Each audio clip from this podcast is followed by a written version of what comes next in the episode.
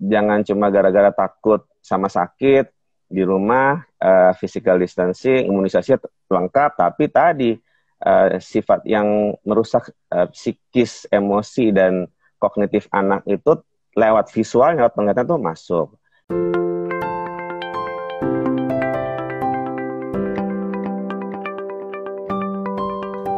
Halo, assalamualaikum dokter. Ya, Assalamualaikum warahmatullahi wabarakatuh. Selamat pagi. Pagi, gimana kabarnya? Alhamdulillah baik. Dokter apa kabar? Alhamdulillah. Dokter ini tadi uh, sempat nyoba hmm. untuk send request, tapi sepertinya ada gangguan hmm. sinyal, jadi agak lama. Mohon hmm. maaf dok. Terima kasih untuk oh, sudah baik. meluangkan waktunya pagi hari ini ya, untuk berkolaborasi bersama dengan Parents University Dok, ini sambil menunggu mama papa untuk ikutan join, ini kita pengen ngasih yeah. tahu Parents University ini adalah hmm. media untuk orang tua milenial yang ingin belajar yeah. mengenai perkembangan tumbuh kembang anak, mengenai kesehatannya. Hmm. Semua informasinya bisa yeah. didapatkan di at Parents University underscore ID. Perkenalkan saya Erina Koto, dok. Saya moderator dari Parents yeah. University. Karena kami yeah, percaya orang tua orang tua hebat ini akan melahirkan anak-anak yang hebat. Jadi kalau anaknya hebat ini pasti hmm. karena orang tuanya mau belajar. Ya, ya itu Sebelumnya, udah pasti dok, itu. Bener. Sebelumnya dok, saya senang banget ya karena dipertemukan hmm. sama Parents University bersama dengan Dokter hmm. Apin. Saya termasuk followernya hmm. dok. oh iya. Jadi untuk, ya, jadi untuk mama papa Parents University ya yang ingin tahu uh, mengenai informasi kesehatan tumbuh kembang anak, silahkan cek langsung Instagramnya @dokterapin ya. Dan pasti sudah banyak yang tahu Dokter Apin biasa dipanggilnya yang punya nama asli Dokter Arifianto spesialis anak. Bener dok? Ya betul, nama saya cuma satu kata aja Arifianto. Satu kata, makanya enak dipanggil Dokter Apin ya dok ya. Peminatan neurologi saraf anak yang aktif membagikan hmm. banyak informasi melalui Instagramnya @dokterapin. Seorang penulis buku juga, yeah. Mama Papa wajib punya bukunya. Bukunya berjudul Orang Tua Cermat Anak Sehat dan juga ada seri bukunya. Ini ada tiga buku ya, Sehat bersama Dokter Apin. Dok, tadi dokter juga sempat membahas ya di depan sambil nungguin uh, saya hadir untuk bisa gabung yeah. di sini. Kalau kita ini selama satu jam ke depan akan membahas mengenai mengoptimalkan perkembangan otak anak di masa golden age. Yang di mana hmm. ini adalah di masa pandemi nih dok. Kadang-kadang kita hmm, merasa yeah. Harus melakukan apa sebagai orang tua agar optimal membantunya. Karena kadang anak sudah mulai banyak bergerak, banyak bertanya. Orang tua kadang-kadang hmm. kewalahan, tidak dipungkiri nih dok ya. Tapi kan kita sebagai yeah. orang tua ini kadang-kadang karena milenial nih, bingung nih harus hmm. apa ya untuk bisa membantu mengoptimalkannya. That's why kita berkumpul nih dok pagi hari ini untuk bertanya langsung dengan ahlinya. Kalau menurut hmm. dokter Api nih seperti apa? Karena ini tidak bisa dibalik lagi dan ini nantinya akan berpengaruh untuk perkembangan di masa depannya. Silahkan dokter. Yang ingin saya sampaikan pertama adalah sebenarnya yang namanya optimalisasi perkembangan otak anak itu nggak ada bedanya ya antara masa pandemi dan di luar pandemi. Nah, hmm. cuma uh, saya memang melihat sebagai seorang uh, praktisi kesehatan yang sehari-harinya berhadapan dengan berbagai kasus anak gitu. Ternyata uh, meskipun ini adalah satu pandemi uh, penyakit infeksi virus yang menular dan menimbulkan banyak uh, masalah yang akhirnya tidak hanya terkait masalah kesehatan tapi juga masalah ekonomi, sosial dan lain-lain. Dan ini pun dalam bidang kesehatan saja akan berdampak ke hal-hal lainnya, termasuk dalam hal uh, pemantauan pertumbuhan dan perkembangan anak. Mhm. Dan kita tahu bahwa anak itu bukan miniatur dari orang dewasa dan uh, tadi saya sempat dijelaskan di awal ada yang namanya uh, seribu hari pertama kehidupan dan itu tidak hanya menyangkut anak pada usia golden age yang mungkin kalau kita boleh batasi itu misalnya dalam dua tahun pertama kehidupannya bahkan sebelum bayi itu lahir pun itu ada satu uh, usia kritis, ada golden age lain yang juga tidak boleh terlewatkan. Nah, di pandemi kali ini ketika terjadi physical distancing, social distancing, orang mm-hmm. tidak berani keluar rumah, harus benar-benar membatasi diri untuk keluar rumah, harus benar-benar paham betul kondisi kegawat daruratan apa yang membuat harus pergi ke rumah sakit, maka akses yang biasanya mudah bagi orang tua untuk ke dokter, akses yang biasanya mudah untuk pergi ke puskesmas atau ke posyandu untuk menimbang setiap bulannya untuk memastikan apakah status gizi anaknya baik sehingga itu pun akan berpengaruh ke perkembangan otaknya apakah anaknya sudah mencapai tahapan perkembangan sesuai usianya itu pun menjadi menjadi sangat terbatas. Nah, ini yang dikhawatirkan pandemi ini satu pandemi penyakit virus bisa menimbulkan khawatir pandemi lainnya. Misalnya nih pandemi gizi kurang, pandemi anak-anak dengan keterlambatan perkembangan. Padahal ya tadi mm -hmm. Mbak Irina sudah jelaskan bahwa uh, golden age ini sangat penting untuk banyak hal.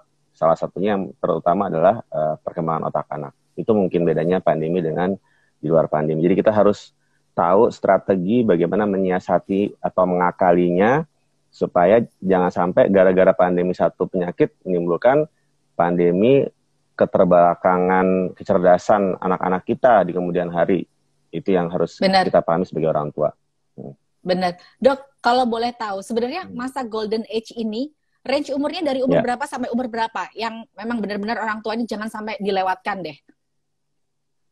Golden age itu Eh, beragam ya. Kalau saya bagi dua, ada golden age untuk pertumbuhan dan golden age untuk perkembangan. Walaupun ini adalah satu kesatuan yang nggak boleh dipisahkan satu dengan lainnya.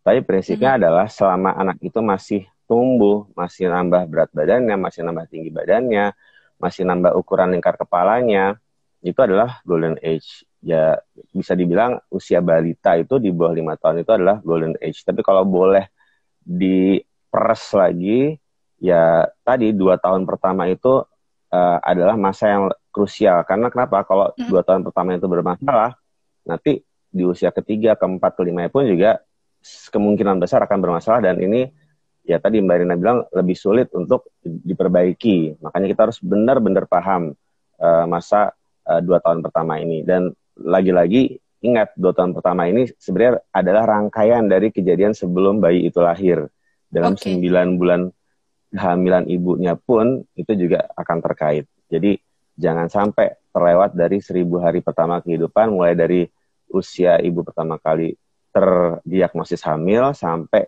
bayi lahir dan berlanjut sampai dua tahun pertama kehidupannya.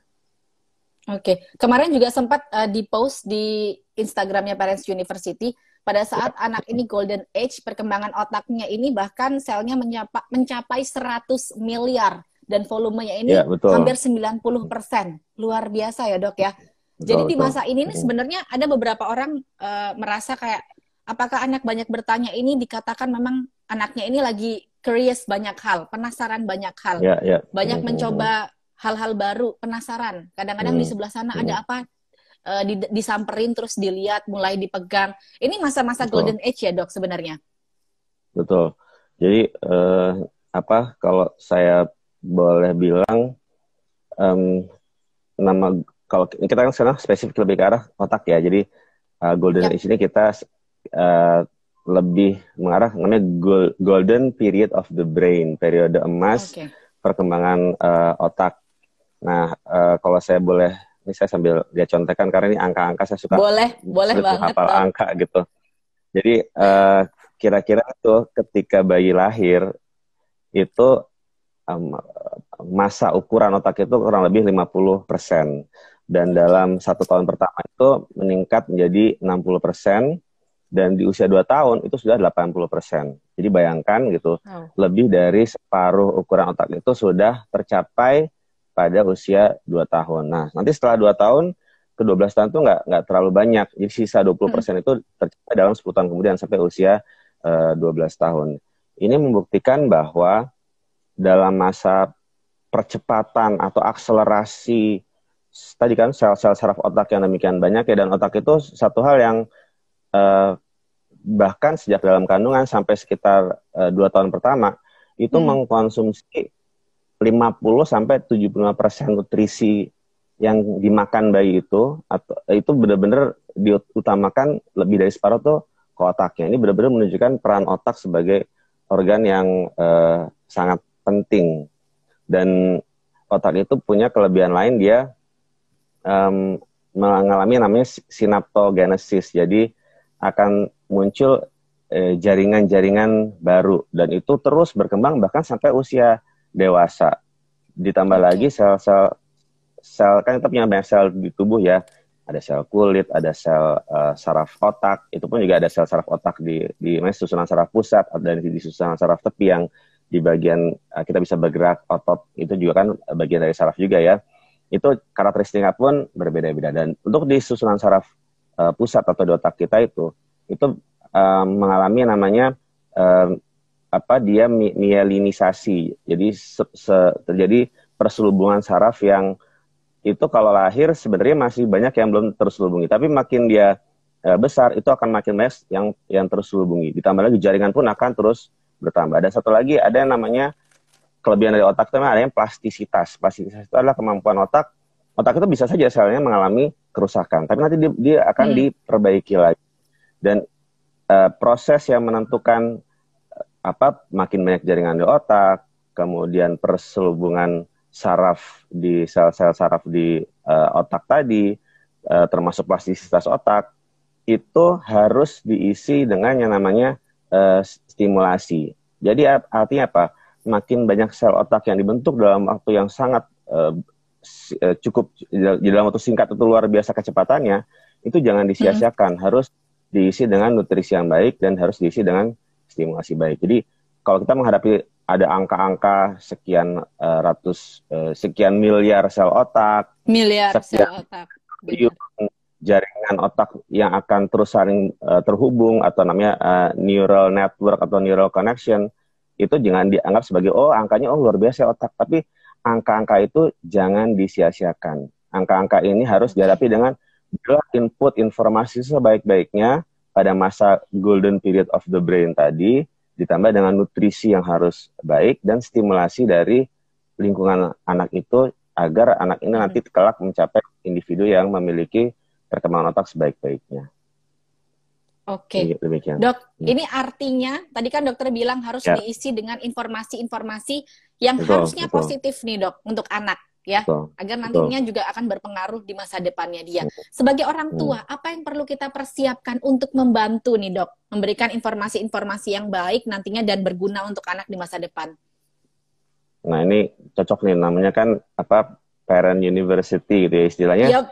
kan udah deh uh, ada apa sepasang laki perempuan menikah uh, terus anak lahir ternyata nggak seperti itu Bener. ya. Being a parent orang tua itu ternyata harus ada sekolahnya juga. Kenapa? Karena kalau kita nggak belajar menjadi orang tua, kita nggak akan tahu gimana caranya menciptakan anak-anak ini menjadi individu yang memiliki otak yang periode emasnya tidak uh, terabaikan. Nah, um, kalau di itu sudah ada ada tiga faktor yang berperan. Yang pertama adalah uh, nature. Nature itu secara genetik, artinya bawaan dari si anak itu sendiri ketika sudah jadi individu, sudah jadi manusia dengan otak yang ada. Kemudian nature ini harus didukung dengan nurture. Nurture itu uh, adanya stimulasi tadi dari orang tuanya, memberikan informasi yang positif, betul, terus memahami uh, parenting yang baik untuk anaknya. Dan yang satu lagi adalah nutrition. Jadi ada nature, genetiknya, nurture, nurture uh, bagaimana nutrition. stimulasi dari uh, ya satu lagi adalah nutrition atau bahasa Indonesia itu namanya ada asah, ada asih, ada asuh gitu. Ada Okay. Uh, eh, asing itu tadi kan memberikan nutrisi sebaik-baiknya dan itu benar-benar dimulai sejak memberikan ASI eksklusif. Jangan jangan diabaikan ya ASI eksklusif itu ternyata memiliki peran yang luar biasa dalam perkembangan otak yang tidak dimiliki wow. oleh nutrisi lainnya. Kemudian ditambah tadi dengan uh, ASI, bagaimana orang tua memberikan kasih sayang, memberikan stimulasi sebaik-baiknya uh, dan uh, kemudian uh, apa meng, meng, mengas, mengasah dan mengasuh itu kan memberikan pendidikan yang baik tadi memberikan uh, lingkungan yang penuh dengan nilai-nilai positif. Maka ya kita sebagai orang tua itu kan pasti punya latar belakang ya, punya masa lalu istilahnya gitu, bener, punya bener. karakter apalagi namanya suami istri itu ya laki perempuan saya sudah sama berbeda karakternya. Tapi mau nggak mau ketika menjadi orang tua dan harus berhadapan dengan anak, maka karakternya harus dimunculkan adalah karakter-karakter yang yang positif Baik. tadi gitu. Yep dan uh, ternyata lagi-lagi memberikan karakter positif ke anak, memberikan role, jadi role model ya tentunya mau nggak mau orang tua di depan anak tuh ya istilahnya harus terpaksa gitu bukan terpaksa jadi harus jaim gitu kan karena harus menjadi role model yang positif buat anaknya dan jangan lupa harus mampu juga memberikan nutrisi yang baik jadi investasinya itu nanti lebih uh, sangat utama terutama kan kalau bayi uh, anak bat, di bawah dua tahun itu kan saya baru uh, makan dan stimulasi ya belum sekolah lah istilahnya. Jadi investasinya ya. adalah investasi berupa gimana supaya anak itu makannya tercukupi dengan baik. Dan jangan sampai ada yang mengganggu dalam proses uh, pertumbuhan dan perkembangan tadi. Anak itu sebisa mungkin ya jangan sakit dengan cara mm. memberikan imunisasi selengkap-lengkapnya agar terhindar dari penyakit yang bisa membuat anak itu sakit dan uh, beberapa penyakit itu kan bisa berakibat fatal entah ke kecacatan atau bahkan kematian. Maka uh, pemberian apa dukungannya ini berupa uh, nutritionnya dan nurture-nya semua saling berjalan seiringan. Demikian. Oke. Okay. Saya setuju nih kalau kata dokter, papa hmm. mamanya ini harus agak jaim di depan anak karena gimana yeah. gimana kita harus menunjukkan sisi baiknya biar anak ini nantinya yeah. akan mendapatkan sisi terbaik dari para orang tuanya. Jadi sisi buruknya ngambilnya dikit aja. Jadi sebenarnya dok, hmm. anak ini kalau misalnya ada sesuatunya yang sedikit negatif, itu bukan turunan kan dok. Kadang-kadang orang-orang tuh suka nyebut, oh itu turunan bapaknya, oh itu turunan ibunya. Masa anak lahir udah okay. seperti itu enggak kan dok? Jadi gini, saya sih menanggapinya seperti ini.